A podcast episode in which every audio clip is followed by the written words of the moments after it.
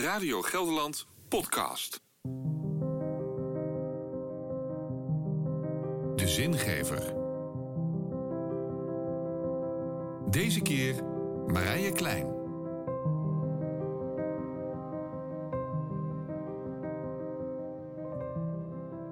Ik zal nooit vergeten hoe een van mijn studenten ooit als een soort Spider-Man door de hoogste boomtoppen klom. Ik stond hem beneden samen met zijn klasgenoten aan te moedigen, alsof we niet in het klimbos waren, maar op de Olympische Spelen. Als overwinnaar stapte hij even later op de grond. Een paar keer per jaar sta ik met mijn klas voor het gevecht van verbinding. Groepsvorming is de vloek en de zegen van iedere docent. Het is mens eigen om ergens bij te willen horen. Een mens alleen is immers te kwetsbaar in deze grote, boze buitenwereld.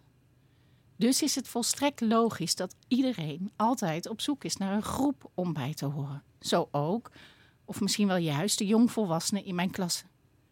Jongeren staan dan voor de immense keuze: bij wie wil ik horen en bij wie mag ik horen? Die twee zijn niet altijd hetzelfde. Je ziet de bijna spiedende ogen rondgaan. Met wie ga ik verbinding leggen? Wie neemt mij op? Wie wil ik naast me?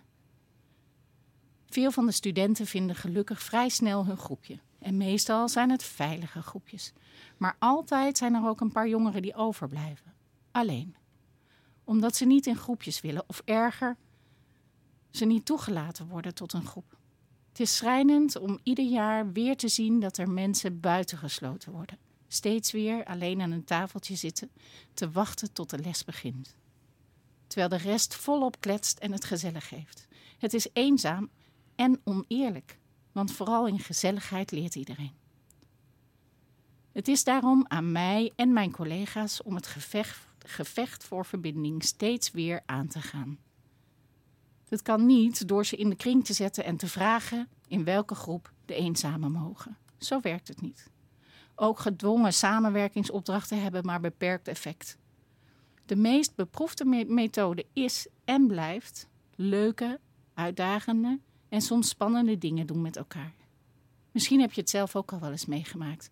Dat die lastige collega na een avondje in de kroeg of na de teambuildingsdag opeens reuze mee bleek te vallen. Je ziet iemand vanaf een andere kant en dat smeet een band. Dat geldt ook voor mijn studenten.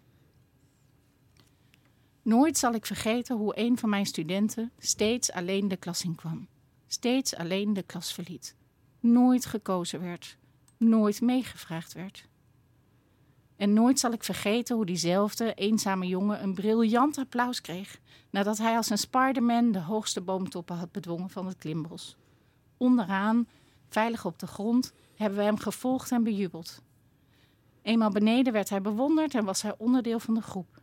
Echt, elkaar aanschouwen in een andere context helpt om een band te scheppen. En ik moest hier aan denken toen Rotterdam dit jaar voor 4 miljoen euro het toneel was voor Koningsdag. Maar ook toen we het opnieuw voor elkaar kregen om twee minuten stil te zijn. In het hele land op 4 mei. En er opnieuw gratis bevrijdingsfestivals waren om te vieren dat we vrij zijn. Als er ergens momenten zijn in Nederland die polarisatie tegengaan, dan zijn het wel die momenten. Die momenten waarop we ervoor kiezen om samen te zijn, in plaats van verschillen te benadrukken. Feest, herdenken en saamhorigheid. Ook ik heb in stilte herdacht en voor de vrijheid gevlacht. En het maakte me trots om onderdeel te zijn van ons land, onze groep. Voelde jij dat ook bij het zien van al die vlaggen? bij de saamhorigheid van de respectvolle stilte, zullen we dan vooral ook onze armen uitstrekken en de eenzame medemens in die groep betrekken, verbinding maken met de mensen die dat nodig hebben en jubelen als ze door de boomtoppen stappen, alsof het niets is. Meer zingeving? Luisteren in je podcast-app of zondag tussen 7 en 10 naar Zin in Zondag op Radio Gelderland.